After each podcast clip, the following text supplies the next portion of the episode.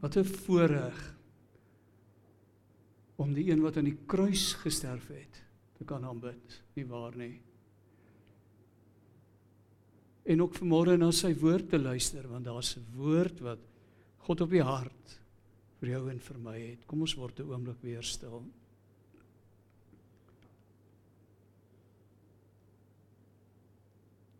Here vir ons waag om die Bybel oop te maak wil ons net seker maak ons weet wat ons doen. Ons is voor die God wat hemel en aarde gemaak het. Ook die mens. Die God wat alles in stand hou.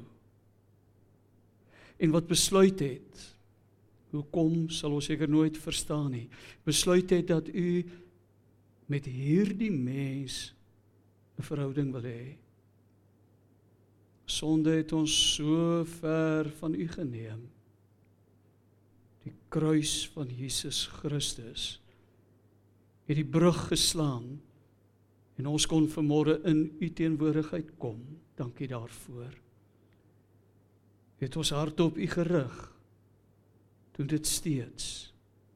Geef ons genade om aandagtig te luister om u stem te hoor. Daardie stil fluistering van u insig. Dis wat u vir my sê. Dis wat u van my vra. Amen. Ons gaan môre lees uit Markus 12, Bybel byderhand. Kan gerus naslaan. Daar van die 28ste vers af. Nou ek begin met 'n ware verhaal. In begin van die 20ste eeu, ongeveer 100 jaar terug het 'n skatryk bekende man een oggend by die ontbyttafel die koerant geneem en gesien Hy is gisteraand dood. Bietjie van 'n vergissing van name. Dis toe nou iemand met sy naam wat dood is en die joernalis joernaliste het hulle misgis daarna. Maar in hierdie koerantberig lees die persoon toe uh, nadoodse wilde blyk aan die man wat die gang van oorlog in die moderne wêreld verander het. Ja, die plofstof koning sterf. Hy het plofstof ontdek. En skatryk geword daai. Plofstof het het baie gebruike gehad, maar weermagte het gou ontdek dis ideaal om in oorlogstyd te gebruik om massa vernietiging tot stand te bring. En hierdie artikel, hierdie beriggie verwys na hom as die handelaar van die dood. Nou ek en jy weet hoeveel mense is in die Eerste Wêreldoorlog dood en ook die Tweede Wêreldoorlog wat daarna plaasgevind het en watter rol plofstof daarin gespeel het. Hy die dood van miljoene mense tot stand gebring deur hierdie vernietigende wapens. Die berig het hom uiteraard diep geskok. Is dit hoe familie, vriende, die wêreld my gaan onthou? Net besef dit wat hier gebeur gee vir hom 'n unieke tweede kans om te herbesin oor sy lewe. Trouwens, hy het die res van daardie dag plaas daarvan om kantoor toe te gaan daaraan gewy om stil te word en nuut te besin waarvoor lewe ek en in die loop van hierdie dag het die grootste wonderwerk met hom gebeur wat met enige mens op aarde kan gebeur. Hy die helende krag van Jesus Christus ervaar. Hy het van sy knieë af opgestaan na hierdie lewensveranderende ervaring as 'n ander mens. 'n Mens wat vir 'n ander rede leef. En hy het sy miljoene en sy lewe daaraan gewy om presies die teenoorgestelde te probeer verwesenlik. En een van die dinge wat hy gedoen het, hy het 'n trustfonds geskep. Vandag is sy naam baie keer op ons lippe en en ons hoor in die in die uh, media daarvan want Alfred Nobel word nie onthou dat hy dinamiet ontdek het nie, maar dat hy 'n vredesprys van 'n baie goeie substansiële bedrag daar gestel het uit sy trustfonds wat mense eer en erken wat 'n reuse bydrae tot vrede gemaak het en op hierdie manier het hy vrede bemark. Watter erfenis gaan ek en jy nalat? Hoe gaan mense ons onthou? Die mense wat die naaste aan ons is. Wat gaan op ons grafskrif staan? Ek dink 'n mens sou vir oggend kon sien grond van wat die Bybel vir ons sê as 'n unieke tweede kans wat Alfred Nobel gehad het om dit as 'n unieke tweede kans aan te gryp om te herbesin oor ons lewe. Die Bybel verwys na mense waarsku ons. Daar's mense wat naby gekom het maar tog so ver was. Trouwens, dit lyk vir ons die Bybel sê vir ons daar's mense wat moontlik in die kerk was wat aan die kerk behoort het maar wat sonder die Here sterf. Kyk gou saam met my na Markus 12 vanaf die 28ste vers. Baie bekende gedeelte. Iemand vra vir Jesus die vraag met watter gesag doen u hierdie dinge? Wie het u hierdie gesag gegee om dit te doen? En dan antwoord Jesus daarop en dan vers 28 is daar 'n skrifgeleerde wat hoor hoe hulle redeneer uit nader gestaan toe hy sien dat Jesus hulle 'n goeie antwoord gegee het, vra hy vir hom: "Wat is die heel grootste gebod?" En natuurlik. Nou, onthou jy waaroor dit gaan? Jesus sê vir hom: Luister Israel, Here ons God is die enigste Here, jy moet Here jou God lief hê met jou hele hart en met jou hele siel en en met jou hele verstand en met al jou krag en die tweede is jy moet jou naaste lief hê soos jouself. Geen ander gebod is groter as hierdie twee nie. En dan vers 32. So vertaal die 83 vertaling. Pragtig meneer sê die skrifgeleerde vir hom. Dis waar wat u gesê het. Die Here is die enigste God. Daar's geen ander God as hy nie. En om hom lief te hê met jou hele hart en met jou hele denke en met al jou krag en om jou naaste lief te hê soos jouself is van meer belang as al die brandoffers en ander diereoffers. Toe Jesus hom so verstandig oor praat, sê hy vir hom: Jy's nie ver van die koninkryk van God af nie. Hierdie man is in Jesus se teenwoordigheid. Jy het naby aan die koninkryk gekom. Mens tog steeds nie in die koninkryk nie. Wat maak die verskil tussen 'n mens wat nie ver van die koninkryk is nie en die mens wat in die koninkryk is? skrifgeleerde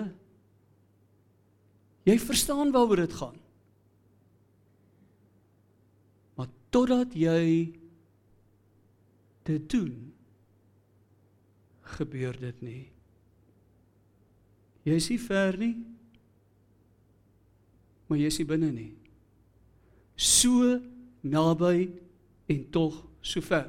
Wat my laat dink aan aan 'n arm kind wat by 'n speelgoedwinkel voor die winkelvenster staan en sê nou maar met begeerige oë staan en kyk na 'n brandweerwa. Brandweerwa was vir my die mooiste ding toe ek 'n seentjie was.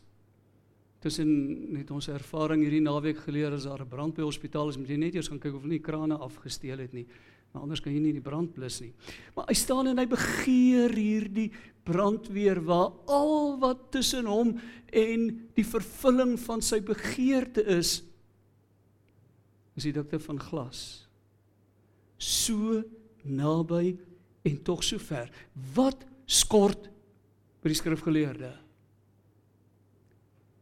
Ek wil vanmôre beweer twee dinge en dis eintlik wat ek wil sê volgens net hierdie twee dinge 'n lewende verhouding met God. Dink jy in elk geval klaar geraai om in 'n lewende verhouding met hom te staan, 'n verhouding wat groei waarin ons daagliks tyd met mekaar spandeer. Want is dit nie die wese van 'n verhouding, van 'n vriendskapsverhouding nie, dat ons tyd met mekaar, dat ons ons lewe met mekaar deel. Maar daar's ook 'n tweede iets. Dat ek glo in wat ek doen. Dat ek 'n verhouding met die Here het. Omdat my lewe daarvan getuig. Nie meer soos vroeër dat ek onbeheerst my meer verloor as ek my vererg of gefrustreer of geïrriteer raak nie nie meer soos vroeër inklim en selfsugtig is en en alles vir myself wil hê of onbedagsaam verwag ander mense moet alles doen en ek kan op die bank sit en TV kyk en mooi wees nie.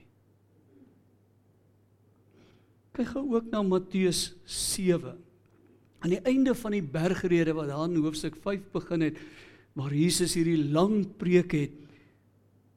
Matteus 5 eh, Matteus 7 vers 21 sê Jesus nie almal wat ewe vroom vir my Here Here sê sal in God se koninkryk ingaan nie. Luister mooi. Help nie vroom te sê Here Here dis dis nie die voorwaarde om in die koninkryk in te gaan nie wat die deurslag sal gee is of hulle aan my hemelse Vader gehoorsaam was dis waaroor dit gaan nie om te weet wat God sê nie maar om dit te gaan doen baie sal vir my op die oordeelsdag sê Here Here, ons het dan in u naam gepreek en in u naam duiwels uitgedryf en in u naam baie wonders verrig, dan sal ek hulle antwoord. Julle was nooit werklik my mense nie. Gaan weg van my af. Julle het nie gedoen wat voor God reg is nie. 'n lewende verhouding met God wat tot lewensverandering aanleiding gee is gelyk aan om in die koninkryk te arriveer. Want nou wil ek myself amper in die rede val en sê onthou net die lewensveranderende ervaring wat lei tot tot 'n nuwe manier van mens wees, 'n nuwe rede hoekom ek mense is is nie omdat ek probeer om God te behaag. En ek is onder hierdie druk ek moet die wet ek moet 'n klomp regulasies nakom ek moet 'n klomp dinge doen en ek voel heeltemal skuldig want ek is ek skiet te kort ek maak dit nie nee dan is my hele motief verkeerd en dit was deel van die probleem met die skrifgeleerdes Hulle het so hard probeer om hulle saligheid te verwerf. En Jesus sê hier staan julle saligheid. Kom na my toe. Ek sal julle rus gee. Ons ons doen nie die regte dinge sodat ons gered is, nie maar omdat ons gered is. Nie sodat God my eendag sal aanvaar nie, maar omdat ek klaar heilig is. Hy het my aanvaar. Ek is sy kind. Ek kan hom nie teleurstel nie. Ek lewe vir hom.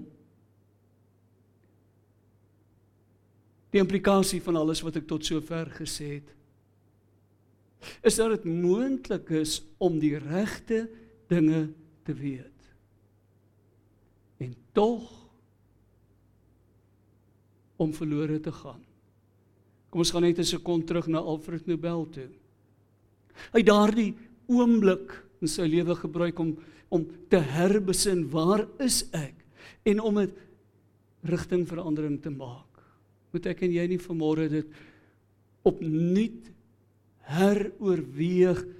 Dalk as jy lidmaat van hierdie of 'n ander gemeente. Dis nie die belangrike vraag nie. Is jy in die koninkryk? Is jy in die koninkryk? Hoeveel mense wie onthou die fliek van Mel Gibson The Passion? Hoeveel mense is nie geruk deur daardie fliek? Het nie gesit en huil terwyl hulle kyk hoe Jesus aan die kruis ly nie. Die belangrike vraag is het dit agterna die fokus van hulle lewe die timber die rede hoekom hulle lewe verander.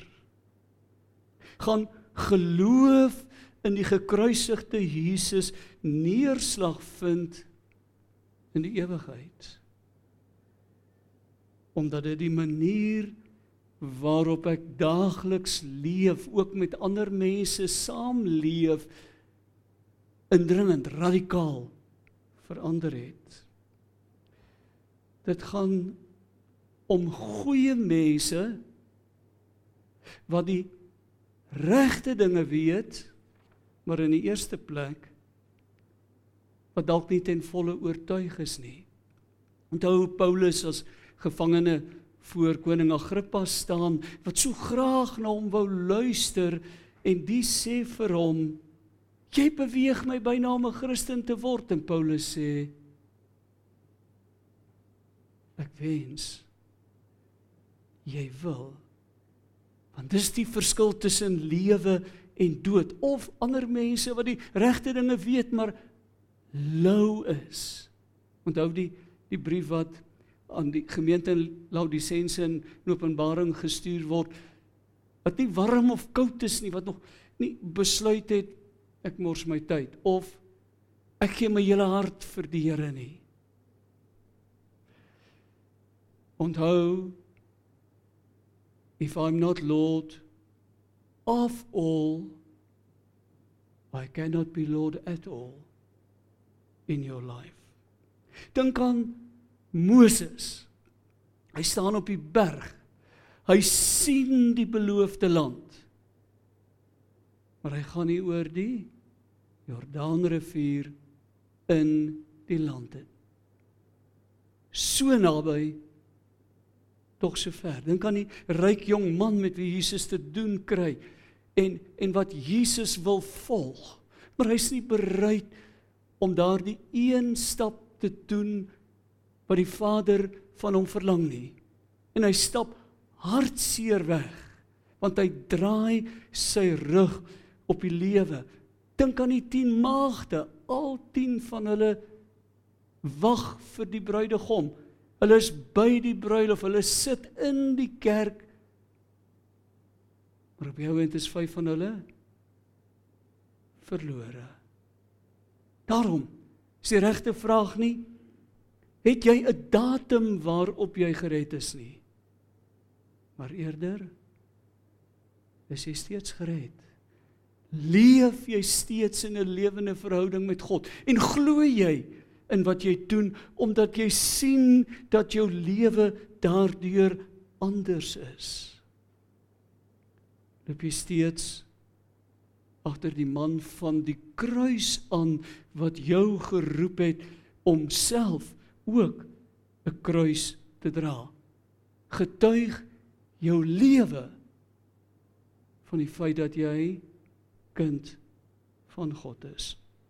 Maar nou weer. En dit daarmee sluit ek met hierdie storieetjie sluit ek af. Wil ek myself weer in die rede val en sê dit bly net genade. Agter God aan te kan loop is genade. Dit wil my nie onder 'n klomp stremming plaas. Ek maak dit nie. In feite is weet nie van jou nie, maar ek maak dit in elk geval nie as 'n Christen nie. Maar dis nie wat saak maak nie. Wat saak maak is dat ek aan die Here vashou.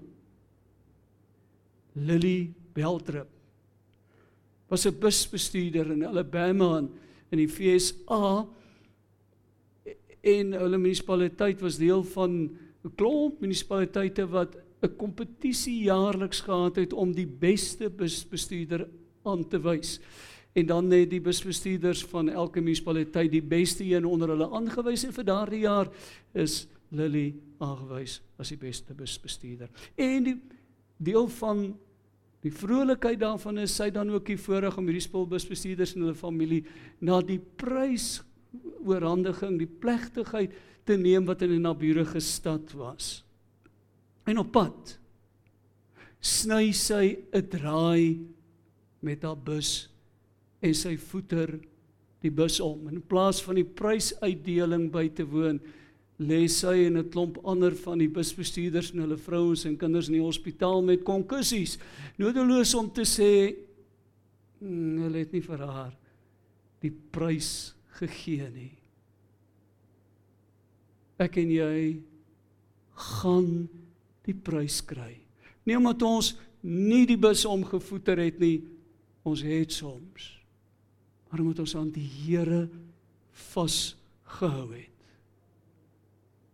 Ek sê dit af. Ek wil jou uitnooi. Trouens ek wil jou uitdaag vanmôre jou verhouding met die Here te ondersoek. Selfs sê ek ek sit in die kerk, staan so 'n bietjie punte wat ek kry, maar dis nie die vraag nie. Hoe lyk my verhouding met die Here? En daarmee saam, hoe vind dit neerslag in hoe ek lewe? Want dit lyk vir my dit kan gebeur dat dat ek en jy meen ons is in 'n verhouding met die Here en daar daar's 'n klompie woorde wat daar rondom in my lewe geuiter word.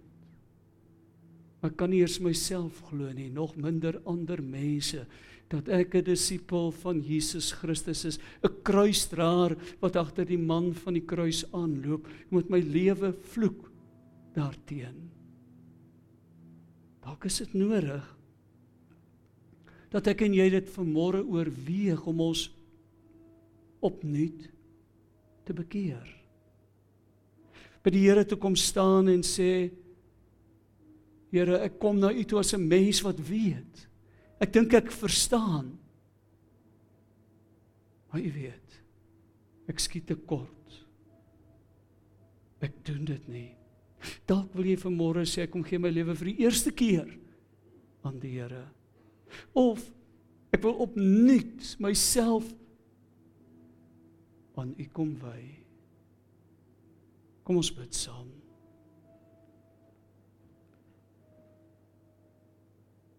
Baie dankie dat U getrou is, Here, om om te praat met mense. Om in die genade U hande vuil te maak met mense soos ons. Om aan te hou praat. Nie moedeloos te raak en te sê man, stamp maar jou eie kop nie. Maar om te pleit en te pleit en tot op die laaste oomblik sal ons u stem hoor wat ons aanmoedig om vas te hou aan u. Here in hierdie oomblikke is daar dalk werk wat elkeen van ons sal moet doen. Niemand anders kan dit vir ons doen nie. Ons het oor ons lewe besin. Nou te reageer en in u teenwoordigheid 'n besluit te neem.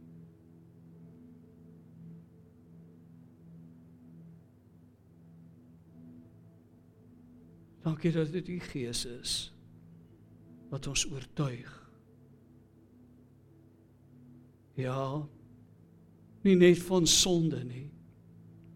Nie net van die stikkindheid wat ons lewe ingedra het ons sonde ingedra het in ons lewe en in ander se lewens nie, maar ook daarvan dat u vergewe, dat u nou vergewe en nuut maak. Ja, ons 'n nuwe lewe in Christus gee. Gee vir ons genade wanneer ons uitstap nie maar net aan te gaan met ons lewe nie maar om vir u te lewe. Amen.